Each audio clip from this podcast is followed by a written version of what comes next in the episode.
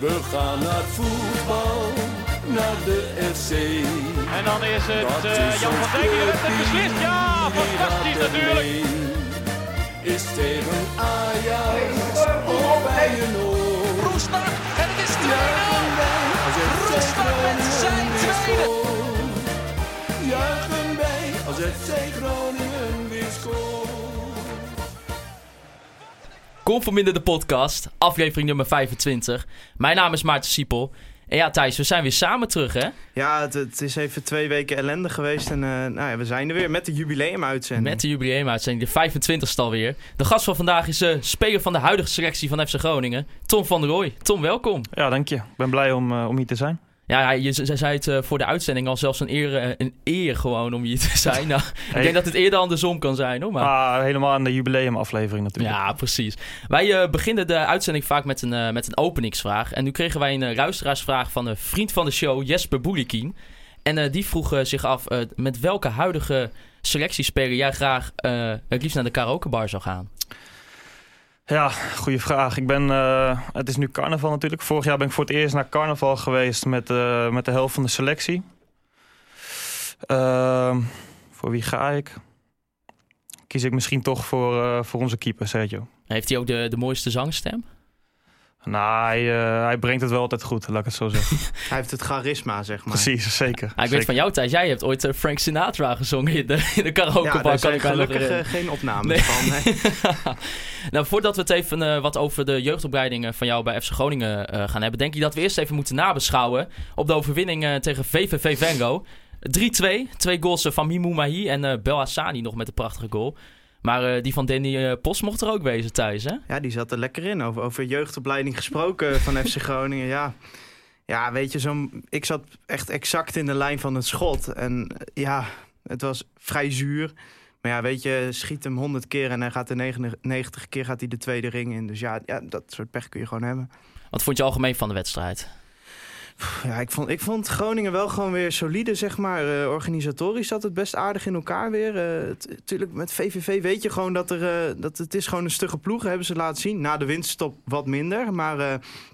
Nee, ja, en wat mij vooral opviel, ik, ja, ik zit tegen het veld aan. Die gasten zijn allemaal enorm groot. Zo, die, die Marappa ook bijvoorbeeld. Ja, is, ja, maar ja, weet je dat je uiteindelijk scoort met twee penalties en een zondagschot, dat is jammer. Maar ja, je hebt ook nog heel veel andere kansen gehad. Dus ja, wat mij betreft eh, gewoon een prima wedstrijd. En als je dan kijkt naar de VAR-momenten, Ik vond ze alle drie terecht. ja, hè? Want Ja. die rode kaart is natuurlijk wat discussie over. Van, is dat gewoon een, een voetbalduel? Maar nee, ja, volgens mij was dat gewoon een rode kaart. En eh, ja, Bel Hassani natuurlijk prachtige goal. Speelde ook een eh, nou, prima wedstrijd. Eh, wij vroegen ons ook een beetje af, Tom. Ja, na de winststop eh, vijf wedstrijden gewonnen vanuit de zeven. Ja. Waarvan eentje eigenlijk ook maar verloren.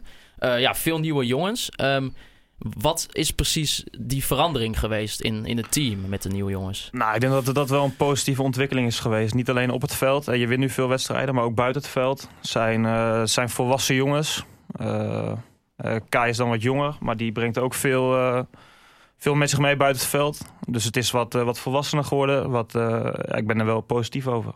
En eh, hoe kijk je dan eh, bijvoorbeeld naar... Ja, de Buis noemde het al vaak dat, dat hij nog wat ervaring miste. Is dat ook wel wat nu meespeelt, dat je dat meer in de selectie hebt? Ja, het, het feit is natuurlijk dat je gewoon meer ervaring hebt. Eh, Je ziet het aan, aan Bruns, aan Belhassani. Die hebben gewoon een paar honderd wedstrijden gespeeld in de eredivisie. Dus die weten, weten wel hoe het werkt. En dat merk je ook wel aan ze buiten het veld. Ja, misschien misten we inderdaad wel wat ervaring in de eerste seizoenshelft. Dus het is, ja, het is prima dat ze er zijn. Ze doen het goed. En eh, als je dan ehm kijkt naar jouw positie, eh, centrale middenvelder normaal gesproken, kan je dan ook veel van, van, die, van een jongen als Bruns nu erbij leren? Nu dat soort jongens wat meer bij de selectie zitten. Ja, natuurlijk. Je leert eh, uiteindelijk van iedereen. Ik denk dat Thomas eh, een iets ander type is dan ik. Maar eh, in bepaalde dingen leer je zeker van hem. Is het voor jou ook nou ja, toch misschien een beetje zuur geweest... dat er zoveel mensen van jouw positie werden gehaald... terwijl jij al een beetje naar speeltijd aan het zoeken was? Nou, natuurlijk. Het is eh, een bepaalde trend geweest in het seizoen. Hè. Ik, ben, eh, ik ben begonnen als basisspeler. Ik heb mijn basisplaats weten te behouden. Die ik vorig seizoen eh, ja, min of meer heb afgedwongen, denk ik. Ehm, nou, om een korte samenvatting te geven. Je wordt er op een gegeven moment uitgehaald. Op een gegeven moment gaat het, gaat het lopen. met Samir op middenveld. Dus dan, dan is het logisch dat de trainer het laat staan. Uh, maar op een gegeven moment lees je natuurlijk ook wel, vlak voor de winststop, dat, dat de club van plan is om, om meer ervaren spelers te halen. Uh, creatievere spelers, spelers voor het middenveld, voor in de aanval. Dus ja, het is uh, voor mij persoonlijk nou, toch wel een beetje jammer. Want je, je wordt, ik denk dat ik 12e, 13e man was voor de winststop. Ja, dat verandert wel een beetje naar, naar 13e, 14e. En dan is het transferperiode. Dat betekent dat jij kan gaan kijken naar een nieuwe club. Uh, er zijn clubs die worden concreet om jou te huren. En dan zegt FC Groningen: nee, ik zie nog een rol voor jou weg liggen. Of in ieder geval Danny Buis heeft dat gezegd. Ja, met de kennis van nu, vind je dat dan een juiste uitspraak geweest? Of? Nou, ik heb natuurlijk uh, vlak voor de winststop nagedacht over mijn, mijn toekomst bij Groningen op korte termijn. wat is verstandig voor mij? Ik denk dat het voor mij verstandig is als, als jonge jongen om te spelen, om zo goed mogelijk te ontwikkelen. Nou, dat perspectief had ik niet helemaal bij, uh, bij Groningen dit, uh, dit half jaar. Helemaal in de wetenschap dat, dat, de, dat de club spelers ging halen. Dus ik heb een, uh, een verhuurverzoek ingediend bij, bij de club. Waar ze in eerste instantie open voor stonden. Dus ik heb, er is contact geweest met een club. die waren concreet. Maar de club heeft het uiteindelijk van de tafel geveegd. En op trainingskamp in Duitsland heb ik met, met de trainer een goed gesprek gehad. Die daarin uh, zei dat hij eh, mij niet uh, wilde verhuren. Omdat hij nog een bepaalde rol in mij zag. De tweede seizoenshelft. Ja, met de wetenschap van nu. Die rol heb ik voor mij nog niet helemaal gehad. Voor mijn gevoel. Maar wie weet gaat dat nog komen. En de geïnteresseerde club, dat was een club uit de lagere categorie van de Eredivisie, toch? Ja, volgens mij is dat geen geheim. Dat, dat, dat was Emmen die uh, concreet waren. Uh, die hebben zich gemeld bij de club. Maar op dat moment in de, tijdens de winterstop lag dat nog dicht bij elkaar qua punten. En durfde de club het uh, niet aan om mij, uh, mij daarheen te verhuren. En als je nu naar Emmen kijkt, denk je dan ook wel eens... ja, shit, daar had ik wel gepast op dit moment. Nou, ik denk dat dat voor een half jaar voor mij een mooie stap zou zijn om mij te ontwikkelen. Uh, ik, ik, ik vond niet dat, dat Groningen en Emmen concurrenten waren per se. Ik denk dat wij bij Groningen...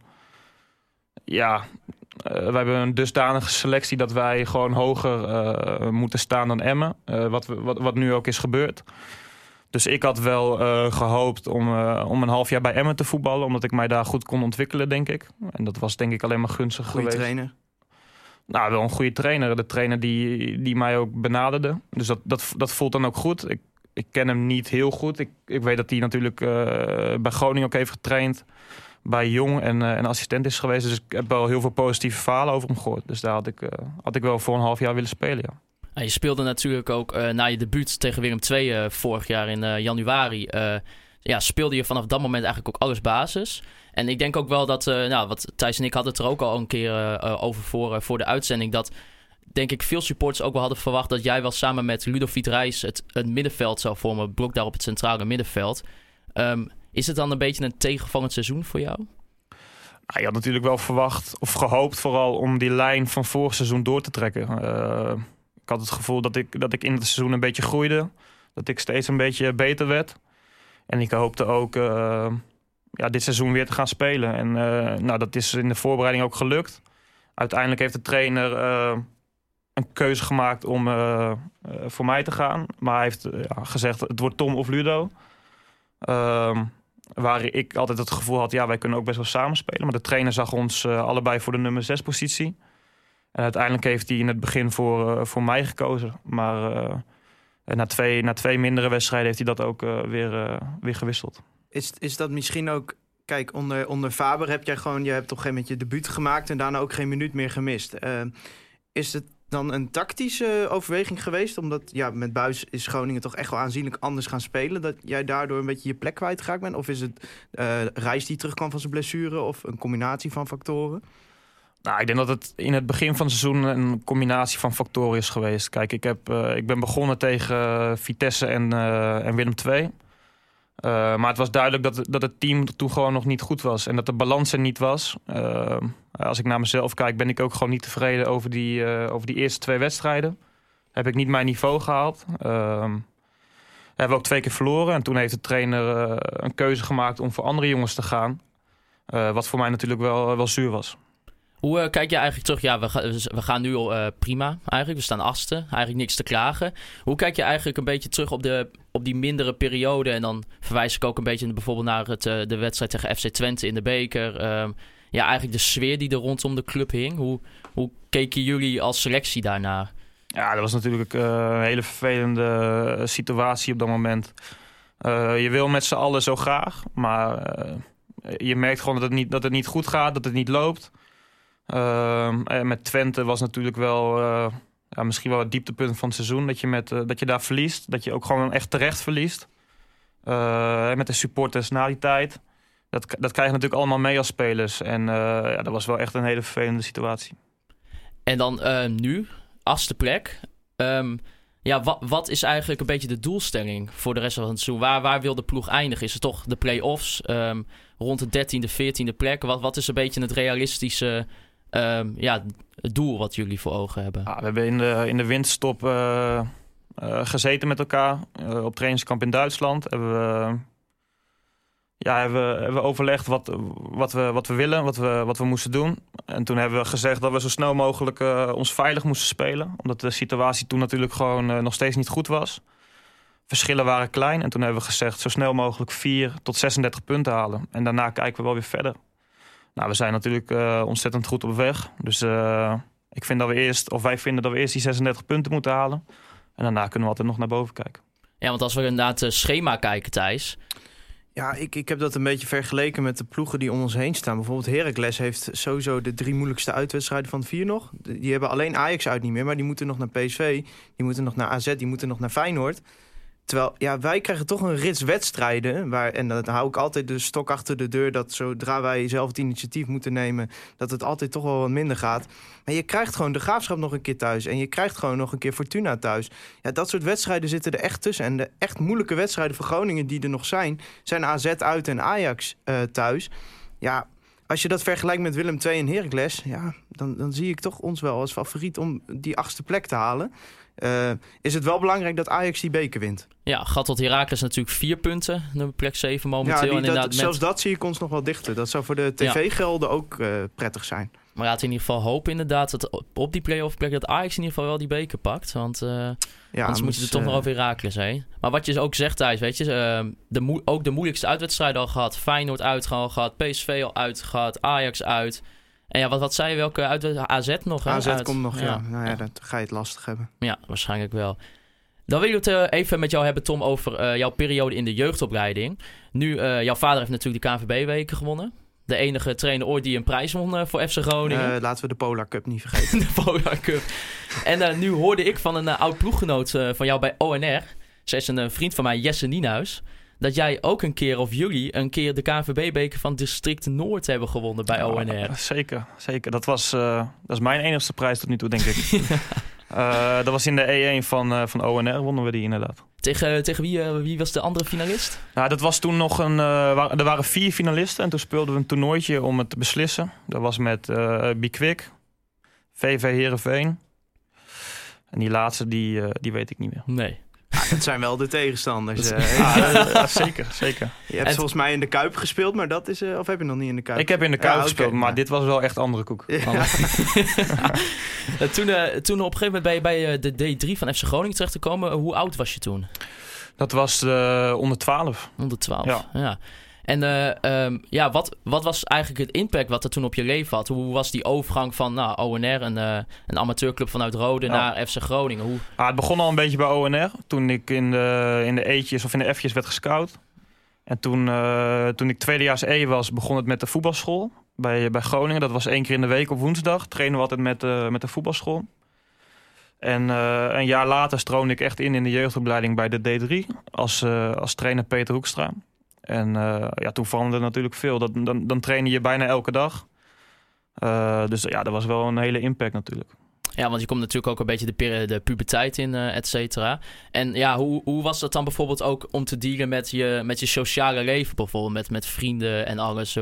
Dat, dat, al- ik neem ik aan dat voetbal daar natuurlijk ook wel een impact op had. Zeker, zeker. Eh, je, moet, eh, je moet er veel voor laten. Je moet er veel voor doen. Eh, je kan niet eh, overal heen waar je best wel heen zou willen gaan. Eh, schoolfeestjes, verjaardagen. Eh, toen was dat best wel moeilijk. Maar als je kijkt wat, ja, wat, je, wat je nu hebt, dan, dan was het elke, elk moment wel waard om, eh, om dingen te laten of eh, dingen ervoor te doen.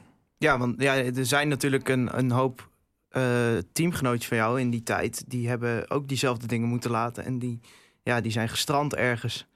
Dus wat dat betreft, ja, voor jou is natuurlijk, je kunt nu wel zeggen, het was het allemaal waard. Maar er zijn natuurlijk een hoop gasten die gestrand zijn onderweg. Zeker, maar ook, ook door die redenen misschien wel. eh, spelers die het, ja, het voetbal wel leuk vonden, maar ook die andere dingen heel erg leuk vonden. En eh, uiteindelijk voor die andere dingen hebben gekozen. En dat is natuurlijk ook gewoon goed recht. Maar ik heb altijd vol willen gaan voor het eerste elftal van Groningen. Eh, en meerdere spelers natuurlijk. Eh, maar je weet dat uiteindelijk maar een paar het gaan halen. Eh, dat is natuurlijk niet altijd even eerlijk. Maar ik ben natuurlijk ontzettend blij dat ik het wel heb gehad. En naast voetballen deed je ook nog VWO, geloof ik. Ja, ik heb mijn VWO-diploma afgerond. ja. En was, was dat een beetje... Ja, ik heb zelf ook VWO gedaan. Ik had er altijd al de grootste moeite. Ja, als ik daarnaast ook nog topsport had moeten doen. hoe, hoe ging dat? Nou, eh, het geluk was dat ik op een bepaalde school zat in Groningen. eh, eh, het Werkman College. En dat was een speciale school die verbonden was aan, eh, aan Groningen. En die, die daar ook rekening mee hield. Dus ik kon gewoon eh, s ochtends en 's middags trainen. En in de middag zat ik op school. Eh, speciale programma's eh, hadden ze gemaakt. Dat je het huiswerk voornamelijk op school kan doen. Eh, veel zelfstandigheid. Uiteindelijk heb ik het, eh, heb ik het, eh, heb ik het, heb ik het gehaald. En daar ben ik ook heel blij mee. Want je, je hebt je school afgerond voordat je debuteerde in Groningen 1, toch? Ja, klopt. Een jaar daarvoor. Ja. Ah, oké. Was dat ook niet eens heel, heel moeilijk dan? Dat je, dat je eigenlijk je dag dan zo in zat gepland met eerst trainen, dan school. Zat- Was, had je dan soms niet het idee van het wordt te veel met school gecombineerd? Nou, soms wel. Eh, uiteindelijk eh, moest ik wel mijn diploma halen. Eh, school stond altijd op één, vonden mijn ouders. Ik moest altijd eerst mijn school halen. Ik keek daar altijd wat anders eh, tegenaan. Maar ik was me wel van bewust. Hè. Er kunnen natuurlijk altijd dingen gebeuren. Dus het is gewoon belangrijk dat je je diploma hebt gehad. Dus ik heb uiteindelijk wel eh, gewoon mijn ding gedaan. Ik hoefde er voor mezelf geen acht of negen te halen. Met een zes haal je het ook. En eh, dat was een beetje mijn mentaliteit op school. Was, die, was die voor jou ook al thuis? Ja. maar ik, ik wou het serieus houden. maar, maar er zijn eh, niet heel veel voetballers die eh, een VWO-diploma hebben. Tenminste, als je naar Nederland zelf gaat kijken, volgens mij is daar Stefan de Vrij de enige bijvoorbeeld. Bemerk je ook zeg maar, een, een verschil tussen je schoolgenootjes en, en voetballers dan? Ja, wel een beetje. Maar volgens mij is het wel een bepaalde trend die, eh, die, die weergeeft dat, dat voetballers ook steeds slimmer worden. Ik heb daar niet een. eh, volgens mij het team van Duitsland dat het WK won, Ja. Was wel een bovenintelligent team. Ehm, maar je hebt natuurlijk eh, ja, een bepaalde intelligentie die je op school hebt. Maar je hebt natuurlijk ook al een bepaalde spelintelligentie. En die jongens die ja, op school eh, het wat minder hebben gedaan, kunnen natuurlijk op het veld ongelooflijk slim zijn. Maar heb je wel het gevoel dat er een, een beetje correlatie ook in zit? In daadwerkelijk je intelligentie of wat je... Ja, ja de voetbalintelligentie zullen we maar zeggen. Ehm, ja, lastig te zeggen. Kijk, eh, je hebt natuurlijk altijd bepaalde spelers in het team eh, die een hoger niveau hebben gehaald op school. Ehm, ja, daarin zie je ook wel dat ze op het veld wat verstandiger zijn, wat, wat, wat slimmer zijn.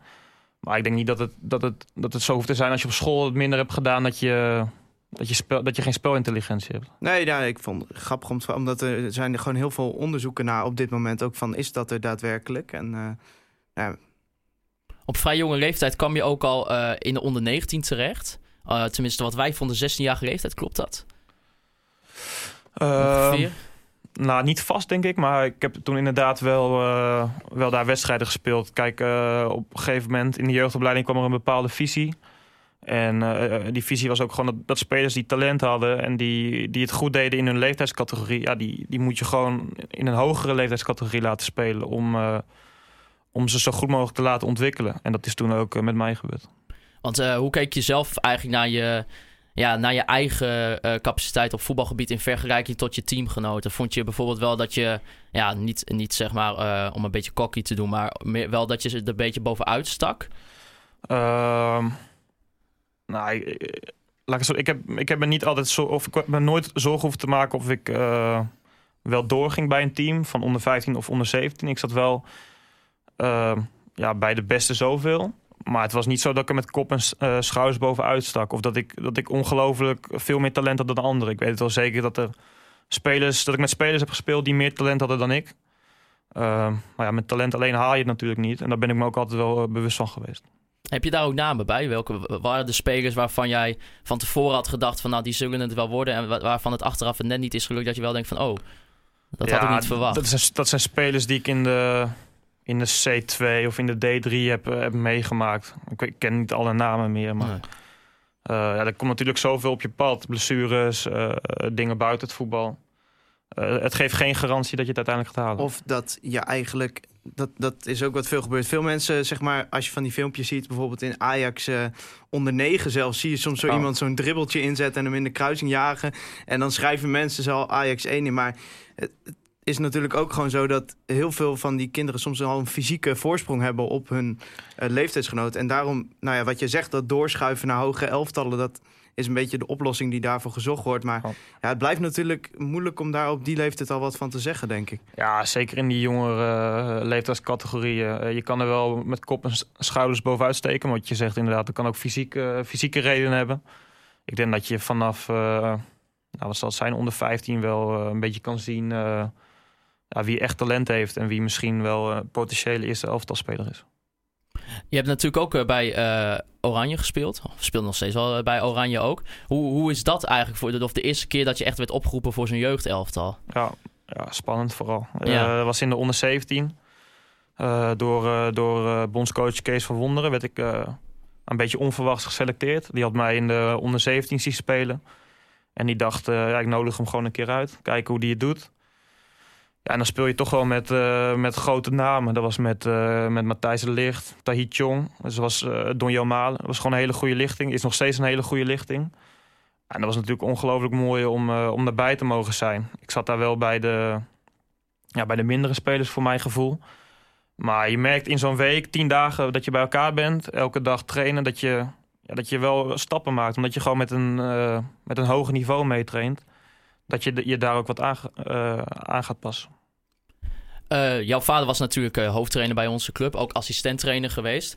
In de periode dat hij hier nog bij de, bij de club zat, ehm, was dat voor jou een soort van steun natuurlijk ook? Dat, dat hij wel wat dichterbij was dan dat hij bijvoorbeeld ergens anders trainer was? Of voelde je ook, of was het ook meer een soort van druk die je had van ik moet wel presteren, want mijn vader zit er misschien zo dichtbij? Uh, nee, ik denk dat het eerder een steun is.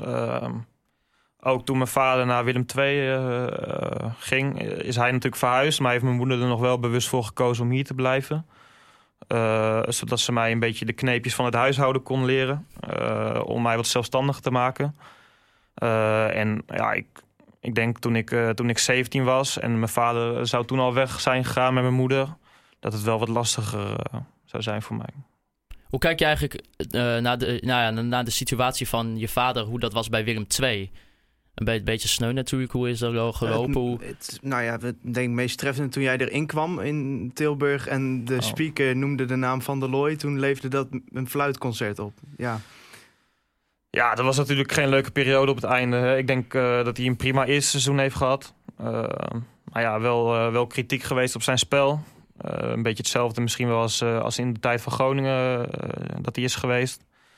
Maar hoe het uiteindelijk is afgelopen, dat is natuurlijk wel, uh, wel heel vervelend. Helemaal omdat je je vader is. Maar uh, ja, ik denk dat het voor elke, elke persoon uh, heel vervelend is. Maar natuurlijk de wedstrijd tegen Willem II natuurlijk wel de, de uitgelegen mogelijkheid om te debuteren. Dat was natuurlijk geweldig, of niet? Ja, dat is tot nu toe het mooiste moment geweest van mijn carrière. Misschien naast het winnen van die, van die KNVB-beker in die jeugd. maar nee, dat was echt fantastisch, zeker. Ja, maar, nee, oh, maar nee, ik wilde even ja. terug naar die dag, zeg maar. Want ja, volgens mij zat je daarvoor al zes keer bij de selectie of zo. We hebben ons research gedaan. Ja, dat, dat klopt. Uh, de eerste twee wedstrijden, Heerenveen en uh, Ajax. En op het einde kwam ik er ook wat meer bij. Uh, toen mocht ik mee op, op trainerskamp in, in Spanje. En dat zag ik wel echt als een uitgelezen mogelijkheid... om mijzelf meer dan een week lang echt te laten zien. En dat heb ik ook geprobeerd. Dat is ook best wel goed gelukt. Met mijn officieus debuut toen tegen, tegen Gent... Uh, ja, en toen hebben de trainers besloten om mij, uh, om mij op te stellen. Nou, en daarna was je niet meer uit het elftal te slaan. Dus kennelijk uh, heb je het goed gedaan, die eerste wedstrijd. Ja. Ik, ik zat toen te kijken en ik weet nog, het enige wat ik hoopte was... oh, laat hem alsjeblieft scoren. Ik was zo benieuwd wat er dan zou gaan gebeuren. Maar ja, het, wa het was onwenniger dan nu, zeg maar. Had je dat gevoel zelf ook? Nou, het was, het was natuurlijk mijn eerste keer. En Ja. dat is natuurlijk altijd eh, eh, wat extra spanning, wat, wat anders. Je probeert eh, misschien wat minder fouten te maken. Ehm, maar ja, uiteindelijk denk ik dat ik toch wel, terug kan kijken op een, op een redelijk geslaagd debuut. Eh, een puntje. Dus dat was ook wel goed voor de familiesferen, denk ik. Dus eh, al met al was dat wel een hele mooie dag. Was het een hele grote stap om vanuit de belofte ehm, in het eerste elftal te komen? Werden de dingen echt heel wezenlijk anders bijvoorbeeld? Ja, natuurlijk. Kijk, je speelt tot dan toe altijd tegen leeftijdsgenoten. Dus die zijn fysiek eh, redelijk gelijk. Maar in het eerste elftal is dat verschillend. En ook het, tempo, intensiteit is zo, zo anders. Daar, heb je, daar moet je wel gewoon aan wennen. En ik ben blij dat ik eh, in aanloop na de winststop al een paar weken vast eh, mee mocht trainen. Daardoor ga je eraan wennen, ga je eh, verbeter je je eigen spel ook. En uiteindelijk wordt het dan wel wat makkelijker om, eh, om je aan te passen. Ja, onder Faber speelde hij natuurlijk ook dan heel erg veel. Ehm, bij de supporters eh, was Faber denk ik niet eh, echt de, de, ja, de gewenste trainer. Hoe, hoe kijk jij zelf terug op, op de periode of wat jij weet van Ernest Faber? Ja, ik, ja, daar kijk ik natuurlijk zelf heel positief op terug. Ehm, ik denk dat het vooral de combinatie Faber-Marcel Groningen was. Eh, Marcel die vooral de tactische gedeelte deed, eh, de tactische trainingen. En Faber die een beetje de, hoe zeg dat, people manager was. Die, eh, die, die combinatie was gewoon hartstikke goed, vond ik. En ik denk dat we, dat we ook groeiden in die tweede seizoenshelft. En ik denk dat we uiteindelijk die laatste, laatste tien, acht wedstrijden ook gewoon een prima niveau hebben laten zien. En nou ja, toevallig Marcel Groningen dat je hem noemt. Jouw vader heeft hem afgelopen week erbij gehaald eh, in de staf van Jong Oranje. Is dat ook een beetje dezelfde rol, zeg maar? Dat, dat hij toch tactische andere invalshoek zoekt? Of... Nou, kijk, eh, ze hebben gewoon heel goed eh, samengewerkt toen mijn vader coach was. Eh, hebben altijd wel een bepaalde band gehad, denk ik. Ze vertrouwen elkaar. Ze weten wat ze aan elkaar hebben. Ik denk dat dat, dat gewoon een voordeel is om hem, om hem dan bij te hebben. Hij had natuurlijk een goede assistent met, met. Nou, dat, was, dat verhaal was wel bekend dat hij, dat hij niet met Peter Bos mee zou gaan. Dus toen, eh, toen is Marcel Groningen het geworden. En nu met Danny Buis, eh Sjoerd-Jan Gispen, luisteraar van onze show, die vroeg zich af wat er, wat er wezenlijk eh, anders is aan Buis in vergelijking tot het voorgaande seizoen. Waar merk je de verschillen in? Ah, ik denk ten eerste dat, het twee, dat, dat Faber en Danny Buis twee hele andere persoonlijkheden zijn. Ik denk dat, dat Danny Buis wat, wat directer is, wat meer aanwezig op het trainingsveld, wat korter erop zit. Ehm, dus dat is denk ik wel een groot verschil. Het zijn echt twee verschillende persoonlijkheden. Ehm, plus, plus een andere trainer brengt natuurlijk ook wat andere dingen mee. Kijk, ehm, eh, Buis die, die vond dat we in het begin van het seizoen eh, elke dag bij het ontbijt ergens anders moesten zitten. Om met iedereen in contact te raken. Ik denk dat, dat, dat Danny Buis ook wat, eh, wat directer is qua speelstijl. Hij zegt, ja, als de backs de bal over de middenlijn hebben, gooi hem er maar eens in, weet je wel. Eh, het kan altijd gevaar opleveren. Dus ik denk dat dat wel het grootste verschil is. merk je ook. ehm, nou, ja, ik, ik als zeg maar de kijker van buitenaf zie gewoon dat Groningen gewoon sinds Buizer is gewoon organisatorisch echt aanmerkelijk beter staat. Eh, dat is in de statistieken ook eh, terug te zien. Vorig jaar kreeg Groningen echt gigantisch veel schoten tegen. Dit jaar doen we, staan we echt in de top 5 qua minste schoten tegen. Oh. Heb je het gevoel dat die omslag ook echt is gemaakt van dat Buis echt is begonnen met organiseren als eerste speerpunt? Ehm, ik denk dat misschien een, eh, de basis een beetje vorig jaar is gelegd. Eh, waarin we ook vaak 4v2 in de zone verdedigden op het einde. Eh, maar, de, maar Danny Buis heeft dat wel zeker opgepakt in de voorbereiding, organisatorisch. Eh, compact, eh, met drukmomenten. Eh, ik denk dat, dat, ze, dat, ze, dat, ze vruchten wel afwerpt. Je ziet ons vaak goed druk zetten, de tegenstander meteen, meteen aanpakken. Dus ik denk dat het zeker positief is. En opbouwend, dat is denk ik de kritiek die er momenteel nog ligt. Dat Groningen heeft eigenlijk moeite met die transitie van verdedigen weer naar aanvallen toe. En daar dan onvoorspelbaar genoeg in zijn. Ik denk dat we dat in Breda echt het meest hebben gezien na de winststop. In ieder geval waar dan de problemen liggen. Eh, heb je het gevoel dat daar misschien voor jou nog een rol ligt weggelegd? Vind je jezelf een opbouwende speler? Ehm, ik vind mezelf wel een, een, een tactische speler. Ik denk dat ik wel eh, herken wat een tegenstander doet, hoe ze druk zetten.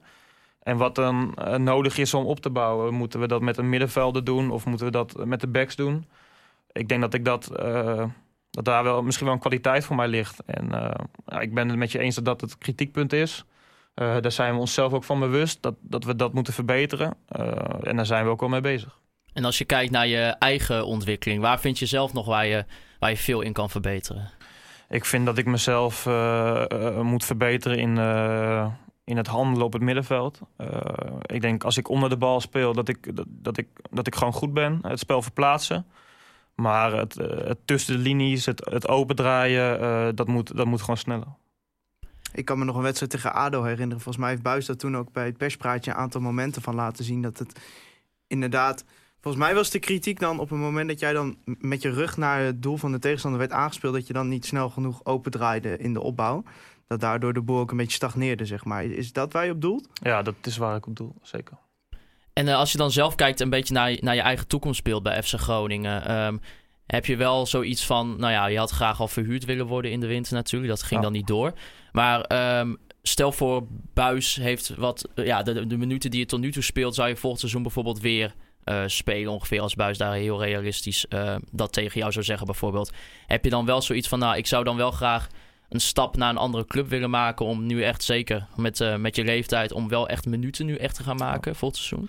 Ah, zowel de trainer als ik eh, zijn het ermee eens dat ik niet nog, nog zo'n jaar moet, eh, moet, moet hebben. Kijk, voor mij is het belangrijk dat ik gewoon volgend seizoen ga spelen. En eh, staat op één dat ik dat het liefst bij FC Groningen doe. Maar je moet ook kijken wat de opties volgend seizoen zijn en of dat realistisch is. Ehm dan zou je de, de voorbereiding misschien wat voor moeten afwachten. Er komt een nieuwe technisch directeur. Tegen die tijd zal je ook met de trainer weer gaan, gaan praten. En dan moet je gewoon op de tafel leggen wat, wat de kansen zijn en wat de mogelijkheden zijn. En dan moet je denk ik een eh, verstandige keuze maken. Kijk, als ik niet, eh, niet op spelen kom bij FC Groningen... dan, eh, dan is het verstandig denk ik om, om verhuurd te worden. Ik denk dat de, dat, dat de trainer en de club dat, daar wel mee eens zullen zijn. Maar het, het liefst speel ik natuurlijk bij FC Groningen. Wat, wat is eigenlijk je ambitie? Mijn ambitie is eerst om echt een vaste waarde te worden voor FC Groningen. En zie je nog een stap daarna waarvan je zou zeggen... Ja, natuurlijk, dat is, dat, dat is op dit moment eh, ja, misschien, eh, misschien eerder een droom om in een, in een mooie buitenlandse competitie te spelen. Maar dat vind ik tot nu toe, eh, of op dit moment vind ik dat niet realistisch. Ik, ik, doel, ik, ik ja, wil gewoon mezelf in de basis spelen bij Groningen. Gewoon een paar seizoenen in het eerste van FC Groningen spelen. Ik denk dat dat ook een realistisch doel is voor mij. Eh, en dan zien we wel weer verder. En stel nou, jij zou nu tegen je zaakwaarnemer kunnen zeggen... deze club wil ik heen en, en het zou lukken. Welke club zou je dan willen spelen? Welke club ik zou willen spelen? Ehm, op, op huurbasis bedoel je? Nee, gewoon, gewoon je mag elke club in de wereld kiezen. Daar mag Oh, je elke spelen. club in de wereld. Dan zou ik voor, eh, voor de Spurs gaan. Heb je, heb je altijd al, ben je altijd fan geweest van de Spurs? Eh, nee, eigenlijk niet. Ik ben eh, ja, altijd fan van Groningen geweest dan. Maar in het buitenland ben ik eh, fan geweest van Swansea City. Ten tijde van, eh van Laudroep, die daar trainer toen was. Met, eh, met de Guzman, Boni, Mitchell. Toen was ik wel echt eh, behoorlijk fan. Alleen toen, toen hij wegging en er kwam op een gegeven moment een andere trainer... ging het voetballende een beetje weg. Toen ben ik eerlijk gezegd ook een beetje afgehaakt. Ja, want ik, ik weet nog wel, het was echt in, in de tijd dat jij zeg maar nog als jeugdspeler op Twitter, eh, nou ja, zeg maar nog niet eh, per chef gemaakte dingen hoefde te tweeten, zeg Ja, maar. daar ben ik nog steeds niet op. Nee, vooruit i- iets vrijer dan Ja. tegenwoordig. Misschien, zag, ik- altijd wedstrijden zat je te kijken. En, Ja, eh, nee, ik was best wel fan, zeker. En natuurlijk met de behangkoning John van Zweden. eh, Ja, dat klopt. Nee, dat was gewoon eh, een paar seizoenen hebben ze, voor mij hebben ze ook de League Cup toen gewonnen. Toen was ik wel echt eh, behoorlijk fan. nou ja, maar Groningen is wel ook altijd jouw club geweest. Ja, natuurlijk. vanaf, vanaf de, toen ik in de jeugdopleiding gespeeld ben ik altijd geweest. Ben ik altijd in het stadion geweest. Dat kwam natuurlijk ook door mijn vader, die toen op een gegeven moment assistent trainer was. Maar ik denk dat ik altijd wel naar het stadion ben geweest. Eh, dat, dat was vorig seizoen ook waarom nou, je in ieder geval bij mij direct voorsprong had toen je, toen je zeg maar begon.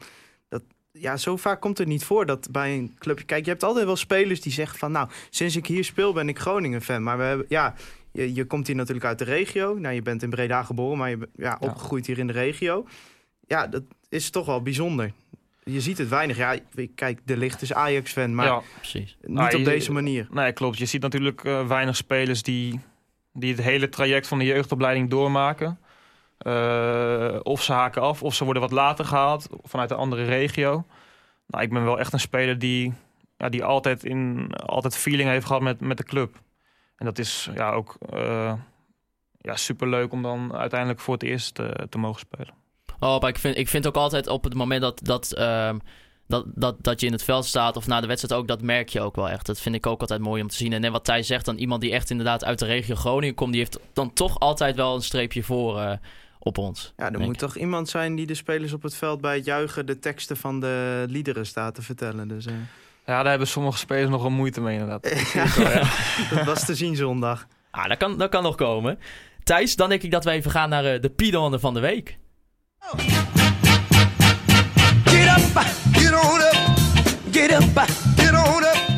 En in de Piedonde van de week uh, bespreken wij de persoon aan wie wij ons het uh, meest geërgerd hebben. Dat, uh, ja, dat kan een persoon zijn, dat kan een, een organisatie zijn. En ja, Thijs, um, heb je lang moeten nadenken over de Piedonde van deze week? Jawel, want ja, kijk, ten tijde dat het bij onze club wat rustiger is en wat beter gaat, dan is het altijd moeilijk om iemand aan te wijzen waarvan je nou zegt, nou daar heb ik mij nou aan geërgerd. Gelukkig onze vrienden van de KVB, vrijdagmiddag. ja. ik, uh, ik was in Amsterdam bij, uh, bij FC Afkik en ik kreeg ineens een melding op mijn telefoon van... Uh, nou, een wedstrijd zonder publiek dreigt. Ja, vanwege vuurwerk. vuurwerk. Ja, vanwege nou, vuurwerk. Ja, ze willen het niet meer hebben. op het moment dat er binnen nu en een jaren nog vuurwerk wordt afgestoken op de tribune... dan is het in ieder geval een wedstrijd zonder of ja, een deel van het publiek. Nou, ja, het is, het is grappig, want dit is dan op basis van die wedstrijd tegen Heracles. Nou, dat was ook wel redelijk wat vuurwerk... Maar er is bijvoorbeeld ja, niemand bij gewond geraakt. Uh, er zijn geen incidenten geweest tijdens het afsteken van het vuurwerk. Dus ja, ik, ja, nou ja, ik denk dat mijn mening over vuurwerk inmiddels wel duidelijk is. Hoe, hoe kijk jij daar eigenlijk naar, Tom? Nou, is, vind je dat imposant op het moment dat, je, dat, dat je het veld oploopt... of dat je dat ziet, dat het, het vuurwerk uh, ah, dat, dat doet wel wat met uh, spelen, denk ik. Uh, niet alleen vuurwerk, maar ook bepaalde spandoeken. Ik kan me nog een spandoek herinneren met de trein. Ik weet even niet tegen wie, tegen wie dat was. VV was dat, ja. ja. dat is natuurlijk echt prachtig. Uh, ja, kan ik het begrijpen vanuit de KNVB gezien misschien wel. Maar als speler en als publiek is het natuurlijk wel echt uh, een, hele happening. Vind je ook dat het erbij hoort? Vuurwerk, ja, ja, vind ik wel. Ik denk dat het gewoon onderdeel is van een bepaalde sfeeractie. En cultuur misschien ook wel. Ja. ja. Nou, KNVB, uh, volgens mij hebben ze alweer, is het alweer de tweede ja, keer dat ze hem Ze hebben. staan nu echt stijf bovenaan in het bovenaan. ja, ik denk niet dat het heel vaak gaat voorkomen dat iemand twee keer de Piedonde van de hij week is dus pakt, voor de maar... hele KNVB exclusief Erwin van Looy. En Marcel ja, krijgt hem niet. En Marcel en Marcel. Thijs, jij hebt ook een, een quizje voorbereid. We hebben een nieuw segment uh, in de podcast. Ja, Um, wij, kregen, wij kregen een bericht van uh, commentator Mark van Rijswijk. En wij liepen al een tijd in ons hoofd met het idee om, om een, een quiz met de gasten te doen. En nou, dan maken wij daarna een ranglijst met wie heeft het nou het best gedaan. Nou, beginnen we in de jubileumuitzending, de 25e uitzending. En uh, ja, misschien moet je dat vertellen. Hoe, waar kwam dat vandaan dat Mark van Rijswijk zei dat jij van quizzen hield? Nou, ik weet dat Mark van Rijswijk vooral van quizzen uh, houdt. En uh, we speelden tegen NAC uit. En toen zag ik hem staan. Hij was onze commentator. En uh, ik had het programmaboekje bij me. En daar stond een stuk in over, uh, over Sander van Gessel. Dat hij bij NAC had gespeeld. Dus ik denk, ja, ik loop gewoon eens een keer naar hem toe. En ik stel hem de vraag welke, welk staflid van ons voor NAC heeft gespeeld. En uiteindelijk kwam die, bij, kwam die wel uit bij Sander van Gessel, dat wist hij. En toen vroeg ik hem welke speler van FC Groningen geboren is in Breda. En dat, dat wist hij dan weer niet. Dus had ik hem verteld dat ik het was. En daarna, mijn vader kent hem ook goed. Volgens mij heeft mijn vader wel eens een keer een quizje gedaan bij een club. En heeft hij hem voor hulp gevraagd. Dus toen, toen stelde Mark van Rijswijk ook een paar quizvragen terug. aardig lastige, moet ik zeggen. Dus zo is dat een beetje ontstaan. Nou ja, we hebben nog geen officiële naam voor deze quiz. Maar het is bij deze de Kom van Minder quiz. ja, I iedereen die suggesties heeft, mag ze onderin invullen. maakt we gaan naar vraag 1. Uh, zoals ik voor de uitzending zei, je hebt wel mazzel. Want kijk, de gasten vanaf nu die gaan allemaal vragen krijgen in zijn algemeenheid. En dan ga ik naar fcgstads.nl en dan pak ik een random pagina. Maar dat, kijk, dit valt mee. Maar dit zijn uh, vragen van Mark van Rijswijk? Eentje van Mark van Rijswijk, okay. dat is de eerste. Dat is, uh, jij debuteerde natuurlijk tegen je vader. Ja. En dan is de vraag, welke vader liet dit seizoen zijn zoon debuteren? Ja, dat is Maurice Stijn. Ja, dat... uit, uh, uit tegen Feyenoord. Zo, dat ja, ook ja, nog. Dit, ja, ja, ik doe eigenlijk niet aan bonuspunten, maar ik vind dit er wel bijna eentje. Goed, vraag 2. We hebben natuurlijk deze uitzending goed voorbereid. Dus we zijn eh, internet opgegaan, Wikipedia. En alles wat op Wikipedia staat is waar. Die Wikipedia-pagina mag trouwens wel even worden aangevuld. ja, eh, dat die is, van jou. dat is nog niet best. Misschien kun je dat zelf doen. Nou, eh, misschien. Ik zal er even naar kijken. Jouw Wikipedia-pagina is niet alleen beschikbaar in het Nederlands. Nee, die gaat internationaal. Hij is namelijk ook in het Engels, het Italiaans en het... Dat is, dat is de vraag. Ja, ja. Wat is de Eh, vierde taal? In, het, in het Japans? Nee, nee, het Russisch. Oké. Er is dus iemand in Rusland die jou op de voet Ik heb niet zoveel connecties daar, maar... Nou, bij deze. eh, de derde vraag.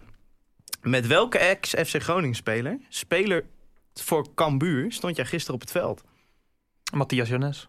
Ja, dat is het tweede punt. Die noemde jij ooit als speler, Thijs, waarvan je eh, ook hoopte dat hij het zou gaan maken bij FC Groningen. Ja, ik en, vond eh, gewoon een sympathieke kerel. sympathieke keer, ja, helaas. Ja. Was hij goed gisteren? Hij speelde eh, op het middenveld gisteren. Ik kende hem alleen als buitenspeler, maar hij was wel, eh, hij was wel redelijk. Je kan wel zien dat hij eh, dat het een slimme speler is. Ehm, ja, ik weet, niet, ik weet niet hoe goed hij inmiddels is. Ik heb hem bij Groningen natuurlijk meegemaakt. Volgens mij was dat met, met Maaskant toen, of met Huistra. Ja, een, een van die twee. Dat is Eh. ongeveer hetzelfde schuitje, zeg maar. Dus, eh, Ja, ik, ik, ja, ik vond hem prima spelen. nou ja, het is voor Cambuur misschien wel fijn. Die eh, gaat niet heel best. Nou ja, vraag 4. Jij hebt nu sinds je debuut eh, 1944 speelminuten erop zitten in de Eredivisie. Tegen welke club heb jij de meeste minuten gemaakt in totaal? Ehm, Vitesse? Ja, is weer goed. Ja, dat is niet normaal. Ja, dit is, heb, had je voorbereid hierop? Of? Nee, nee, nee. nee ja, ik, twee, ik heb twee keer eh, tegen Vitesse eh, gestart. Vorig seizoen uit, verloren. En nu weer eh, verloren. Ja, en, maar je bent ingevallen in de Oh, thuiswedstrijd. ik ben ook nog dat ingevallen. heeft ja. hem gedaan Die, uiteindelijk. oh, die, Oké, ja, die hebben we wel gewonnen. Ja. Nou, dat is het, het derde punt alweer. En dan de laatste vraag. Je hebt tot nu toe 29 eredivisiewedstrijden op je naam staan. Eh, er is een wedstrijd geweest waar jij een dikke 1 minuut hebt gespeeld als invaller. Welke wedstrijd was dat? Dat was denk ik thuis tegen Heerenveen. Ja, dat is punt 4. Ik, eh, ik, ja, ja, Ik, ik, toen ik dit voorbereid had, ik denk, oh, we gaan hem voor een blok zetten. Maar ja. valt een beetje tegen, Thijs. Maar hoe gaat het in zijn werking, Thijs? Want straks op het eind hebben we een, eh, een klassementje en dan Ja, eh, ja ik, ik ga mijn Photoshop skills wel even inzetten om daar wat van te maken. en dan een prijsje eventueel ook nog. Ja, ja, we komen wel uitreiken op corpussen. Want ik denk niet dat hier nog iemand overheen gaat. Dan denk ik dat wij even gaan voorbeschouwen op de wedstrijd eh, tegen FC Utrecht. Aanstaande vrijdag, jouw verjaardag, Thijs. Ja, ja dat, dat wordt een eh, feestje. nou, ik hoop het. Er zijn al meer dan 224 kaarten verkocht. Dus eh, in dat opzicht, eh, hè, veel gasten ja, voor die, je die uitsupport is echt, echt top dit jaar. Want ja, meestal op vrijdag 8 uur, dat is echt zo'n wedstrijd waarin iedereen denkt, nou, pff. Maar ja, we hebben toch wel weer eh, dik 200 verkocht. Ik zeg, eh, kom allemaal mijn verjaardag vieren in het uitvak. en eh, nou, het is dan aan de jongens op het veld om eh, er voor mij ook een leuke dag van te maken. Nee, maar ja, dat, ook een lastige uitwedstrijd. Wel een ploeg Ja. die te pakken is, denk ik. Ploeg die eh, heel conservatief speelt. Net als Feyenoord eigenlijk. Het is een beetje qua speelster vergelijkbaar met Feyenoord. Maar dan met slechtere spelers. Dus ja, wie weet. Maar ja, eh, blijft Utrecht natuurlijk. Ja, wonnen met 5-1 eh, bij Herakles afgelopen weekend. Die hadden echt een eh, mental eh, breakdown. eh, Nou, dat is alleen maar goed voor ons. Een rode kaart voor Jesper Drost, eh, oud FCG-speler. ja, daarvoor eh, 0-0 tegen Excelsior dan thuis. Dus in dat opzicht, Thijs. Er zijn Ja, nou, speel die wedstrijd 100 keer over en die hadden ze 99 keer gewonnen. Maar nee, ja. Het is na de winterstop gewoon dat Groningen heel solide is. Dus ik denk zeker dat Utrecht een moeilijke avond gaat hebben. En ja, ik hoop dat Groningen toch een beetje met dat reactievoetbal. Ja, ik, ik, ik heb er best een goed gevoel over. Dat zeg ik natuurlijk totaal niet objectief. Maar eh, nee, ja, ik vind gewoon het belangrijkste dat, eh, dat Tom van Looy speelt. Precies, ja. Ja, en eh, ja, ik, ik, ik ben wel weer bang voor Girano Kerk. Die scoorde de vorige keer ook. Ik weet nog dat toen zei ik van tevoren op die tribune al tegen jou... ja, die gaat scoren vandaag. Dat voel je. En Ja, ja, die liet toch wel tegen Heracles zien dat dat toch wel een vrij leuke speler is. Ja. Hetzelfde had ik trouwens verwacht van Patrick Joosten. Vind ik een erg ongewaardeerde speler. Die is gehuurd van Utrecht door VVV. ja. Maar die was echt heel slecht gisteren. Dus. Zat in de broekzak van, eh van Handwerk. Ja, die, eh, die is Die- nog steeds op zoek. eh, ja. Waar we goed. trouwens ook van mogen zeggen dat Tim Handwerker eh, ook prima was eh, afgelopen weekend. Toch? Ja, maar dat heeft er allemaal een beetje mee te maken dat hij wat hoger op het veld kan spelen, denk ik. Als je ziet waar Groningen zeg maar, qua gemiddelde positie stond tegen VVV. Nou, ja, verdedigend, daar moet hij het gewoon niet echt van hebben, denk ik. Begon, begon wat moeilijk dit seizoen, denk ik. Maar ja, eh, toch een speler inderdaad die zich toch wel ontwikkeld heeft. Dus zeker na de winststop gewoon echt een prima aantal wedstrijden heeft gespeeld. Vind je ook nog steeds... eh, ja, we hebben het er vorige week ook een beetje al gehad. Is, moet Groningen poging doen om hem te halen? Ja, dat ligt er maar net aan. Sowieso, linksbacks zijn heel schaars. Dat is altijd, er wordt door heel veel mensen vergeten dat er eigenlijk maar... De markt voor linksbacks is echt, echt heel klein. Eh, ja, Misschien moet ik de schoenen weer aan gaan trekken. ja, ja, jij was... Nou ja, ja. Begaafde linksback, een matige linksback bij VV Niekerk. Nee, maar... eh, ja, weet je, kijk wat het is. Als Groningen... Een, zal ongetwijfeld een lijstje zijn voor die linksback-positie. Ja, feit blijft, handwerken is voor Groningen gewoon een prima linksback. Dus ja, de vraag is... eh, wil Kuln dat? Nou, Kuln lijkt op koers om te promoveren. Ik zie handwerken nou niet echt als een Bundesliga linksback. Dus nou ja, misschien is daar wat te regelen. Maar eh, nee, ja, voorlopig eh, doet hij het leuk. Maar zijn eh, collega aan de andere kant doet het nog net even iets leuker. zeker, Die ja. heeft zich echt wel eh, herpakt na de winststop. Zeker weten. Ja, een uitwedstrijd natuurlijk aanstaande vrijdag. Wat vind jij eigenlijk de mooiste uitwedstrijd, Tom? En dat Ja. hoeft niet eens per se eentje te zijn die je zelf hebt gespeeld, maar Nee, toch wel Feyenoord uit. Eh, dat was eh, mijn eerste Feyenoord uit. Eh, 0-0 bij rust. Dan hoor je de Kuip een beetje fluiten. Dan, dan weet je dat je goed bezig bent. Alleen toen, eh, toen kwam Robin van Persie erin. En toen, eh, toen verloren uiteindelijk met 3-0 volgens mij. Maar dat, dat stadion, dat is zo imposant. Dat is echt fantastisch om te spelen. Sta je ook met knikkende knietjes in de tunnel? Nee, het, het, viel nog, het viel best wel mee. Ik vond het gewoon eh, ja, leuk. Ik vond het gewoon erg mooi om te spelen in zo'n in zo'n mooi stadion. Dus dan, dan let je eigenlijk niet eens op die spanning. Plus, plus je hebt weinig te verliezen uit tegen Feyenoord. Dus eh, volgens mij hoef je dan ook niet, eh, niet gespannen te zijn. En, en als speler, hoe kijk je dan naar de, nou ja, toch de ontwerpen van het nieuwe stadion wat er gaat komen? Eh, vind je dat jammer? Of, nou, kijk, ik weet niet precies hoe het, hoe het zit met, met het geld en met de sponsoren en hoe het uitkomt.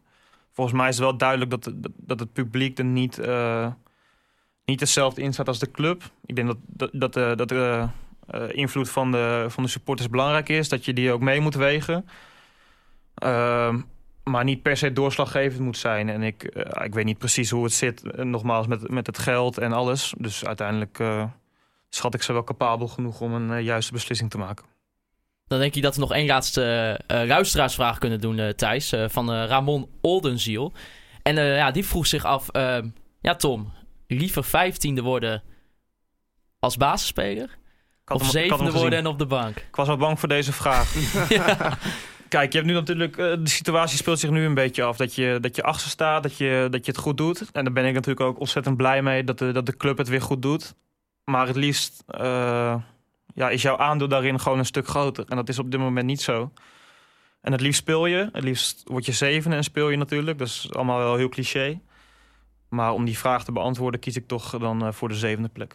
Kies ik toch voor het grotere goed. En stel, jij gaat dit seizoen nog een doelpunt maken. Het kan, hè? Ja, Het wa- kan. Waarom niet? Hoe ga je dat dan vieren? Want je hebt nog nooit een professionele goal gemaakt. Nee, ik, eh, ik ben niet zo van de dansjes. Ik denk dat ik, ik, denk dat ik gewoon mijn, eh, mijn handen in de lucht steek. Oh, even de, de Heel- Marco van Basten. Heel oldschool, ja. Ja, ja, ik zat eigenlijk te denken aan dan een ondershirt met daar dan eh conforminder eronder, zeg maar. Ja, Thijs, ik denk dat we het ook nog even over Free Westerhof moeten hebben. Want dat was ook nog wel een dingetje. ja, ja, de eerste stap is gezet. En Ja. ik moet nu gaan uitkijken dat ik niet een hoop mensen ga beledigen. Nee, Want we zijn blij. ten, ten eerste, ik ben heel dankbaar dat hij in het stadion is gedraaid.